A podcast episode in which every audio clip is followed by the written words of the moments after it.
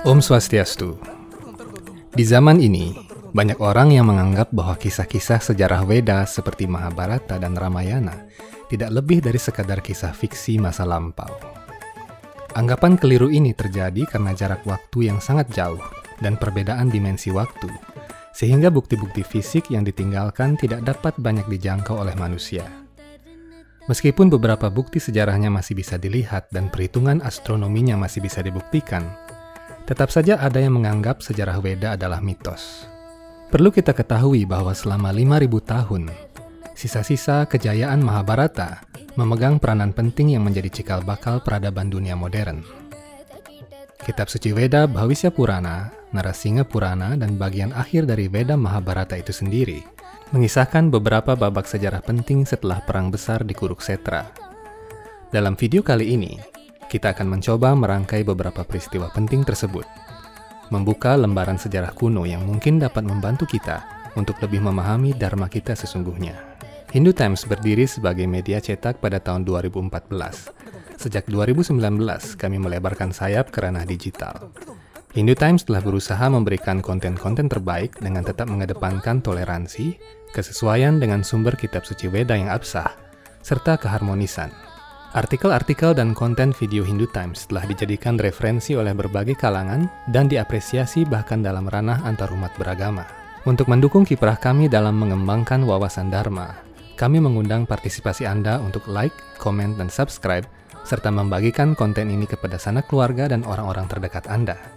Segala bentuk dukungan yang Anda berikan adalah sebuah kontribusi besar bagi pengembangan dan riset kami lebih lanjut.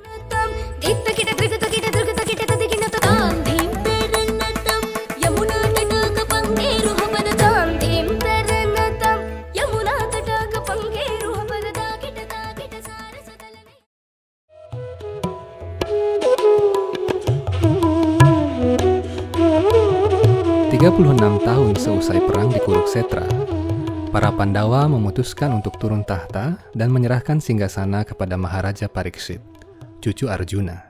Sampai setidaknya tahun 2000 sebelum Masehi, di bumi hanya ada satu pemimpin tunggal yang berpusat di Hastinapura, dan kerajaan-kerajaan dari wilayah lain di seluruh dunia tunduk dan berlindung di bawah panji-panjinya sejak zaman Raja Pururawa. Di bagian barat dunia, Maharaja Pariksit menyerahkan daerah kekuasaan kepada cucunya, Tejasi, sehingga Tejasi menjadi leluhur dan penguasa raja-raja Yunani, Romawi, Mesir, dan wilayah Mediterania.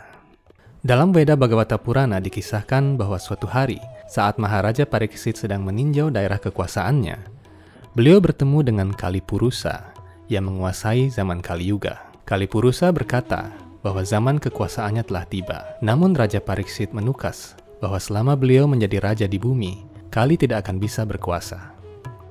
Maharaja Pariksit berniat untuk membinasakan Kali, sehingga zaman Kali Yuga tidak perlu terjadi.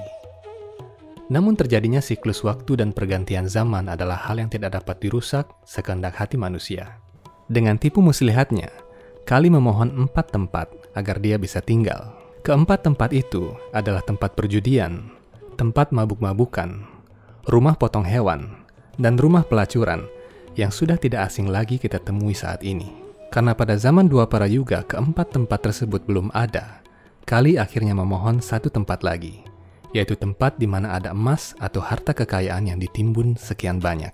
Karena mahkota Maharaja Pariksit terbuat dari emas, Kali memasuki pikirannya dan membuat Maharaja berbuat kesalahan kepada seorang Brahmana. Ia kemudian dikutuk oleh putra Brahmana itu agar tewas digigit ular taksaka tujuh hari sejak saat itu.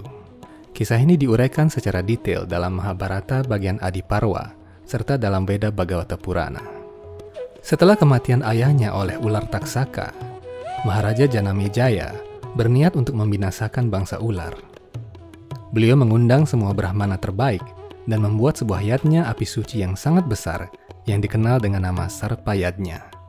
Dengan kekuatan mantra-mantra Veda, seperti dihipnotis, semua ular dari seluruh penjuru bumi masuk ke dalam kobaran api tersebut dan terbakar menjadi abu. Inilah salah satu penyebab mengapa ular-ular raksasa dan para naga sangat sulit untuk ditemukan pada zaman modern ini. Menurut Veda Narasingha Purana dan beberapa sumber lainnya, setelah Maharaja Janamejaya berpulang, kekuasaan Hastinapura dilanjutkan oleh 27 generasi raja penerus hingga tahun 1500 sebelum Masehi saat Sungai Saraswati mengering. Raja-raja tersebut terbagi dalam dua periode, yakni periode Hastinapura dan periode Kusambi. Raja Shatanika, Aswamedadatta, dan Asima Krishna adalah tiga raja yang memerintah Hastinapura sebelum ibu kota dipindahkan ke Kusambi oleh Raja Nicakra. Pemindahan ini terjadi karena meluapnya sungai Gangga pada sekitar tahun 2600 sebelum Masehi. Pada masa ini terjadi perubahan besar pada topografi dunia akibat meningkatnya pengaruh zaman Kali Yuga pada seribu tahun pertama. Ukuran manusia mulai mengecil dan dimensi bumi mulai menyusut. Manusia tidak lagi bisa melihat dimensi-dimensi lain di bumi sebagaimana manusia pada zaman sebelumnya. Sekitar tahun 2500 sebelum Masehi, bangsa-bangsa seperti Mesir, Yunani, Cina, Asyira, Sumeria, dan kerajaan-kerajaan di daerah Mediterania mulai memisahkan diri dari kedaulatan Hastinapura. Semua peradaban itu dikenal memiliki kesamaan dengan peradaban Veda. Nama Sumeria sendiri berasal dari kata Sumeru, sedangkan bangsa Yunani, Romawi, dan Mesir masih mempraktikkan pemujaan kepada dewa-dewa seperti Indra atau Diaus yang kemudian menjadi Zeus, Surya menjadi Ra, dan lain sebagainya. Akibat pengaruh Kali Yuga yang semakin kuat dan Adharma yang semakin merajalela, atas petunjuk Resi Narada dan para orang suci, Raja Pradyota akhirnya membangun sebuah kunda atau altar api seluas 128 mil persegi di India Utara dan melakukan melecayadnya untuk membersihkan dunia dari pengaruh orang-orang jahat yang menentang kebenaran.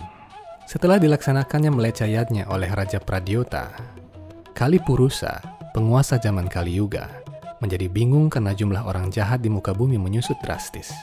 Kali Purusa pun mulai melakukan pertapaan di bagian barat dunia untuk meminta karunia dari Sri Vishnu. Kejadian ini adalah sebab dari jatuhnya Resi Adama dan Hawyawati dari Taman Surgawi milik Dewa Indra.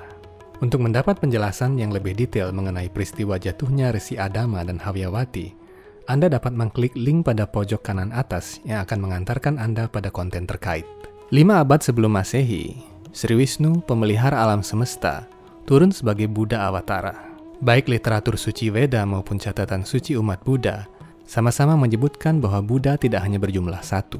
Di zaman Kali Yuga yang terjadi sebelumnya, terdapat Buddha Awatara yang lain. Beliau turun untuk mengelabui para manusia yang ateis agar kembali ke jalan Dharma.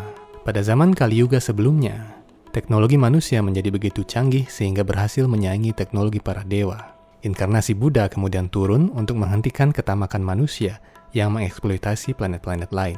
Sementara itu, Buddha Awatara yang turun 25 abad silam adalah Buddha Awatara yang bertujuan menghentikan korban binatang atas nama kitab suci Weda. Turunnya Buddha Awatara juga menjadi pertanda meningkatnya pengaruh zaman Kali Yuga. Sejak turunnya Buddha Awatara, hampir tidak ada lagi para Brahmana yang bisa menyalakan api suci dengan mantra. Inilah pertanda zaman Kali Yuga telah mulai mencengkeram dunia. Pada kisaran abad keempat sebelum Masehi, Mahapadmananda, seorang raja dari golongan rakyat biasa, menyerang Ayodhya. Raja Sumitra, raja terakhir Ayodhya, mengungsi ke Kalapagrama, sebuah desa suci di pegunungan Himalaya, dan bergabung bersama leluhur-leluhurnya. Dengan berakhirnya kerajaan Ayodhya dan Hastinapura, maka berakhir pula silsilah raja-raja keturunan Manu, baik dari garis keturunan Surya Wamsa maupun Soma Wamsa. Mulai dari hilangnya kekuasaan raja-raja suci di bumi, dunia mulai terpecah menjadi ratusan kerajaan kecil dengan peperangan yang tanpa henti.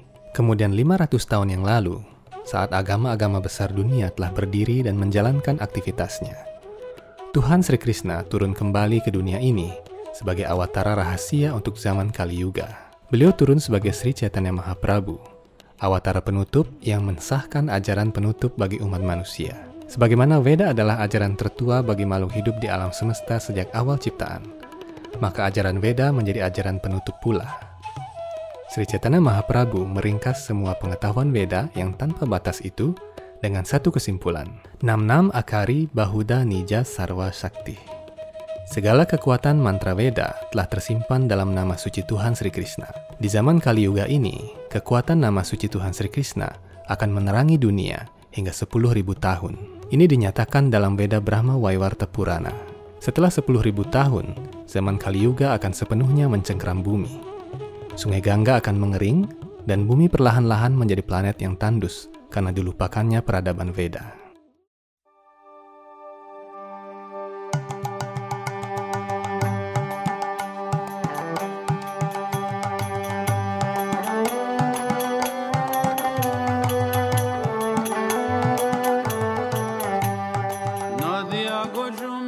Lalu bagaimana zaman Kali Yuga ini akan berakhir? Bagaimana situasi manusia di akhir zaman Kali Yuga? Bagaimana kisah lengkap turunnya Kalki Awatara? Dan sedahsyat apa pertempuran Kalki Awatara di akhir zaman Kali Yuga nanti? Semua akan hadir dalam episode lain dari Hindu Times Channel. Sampai jumpa di video-video selanjutnya. Om Santi Santi Santi Om.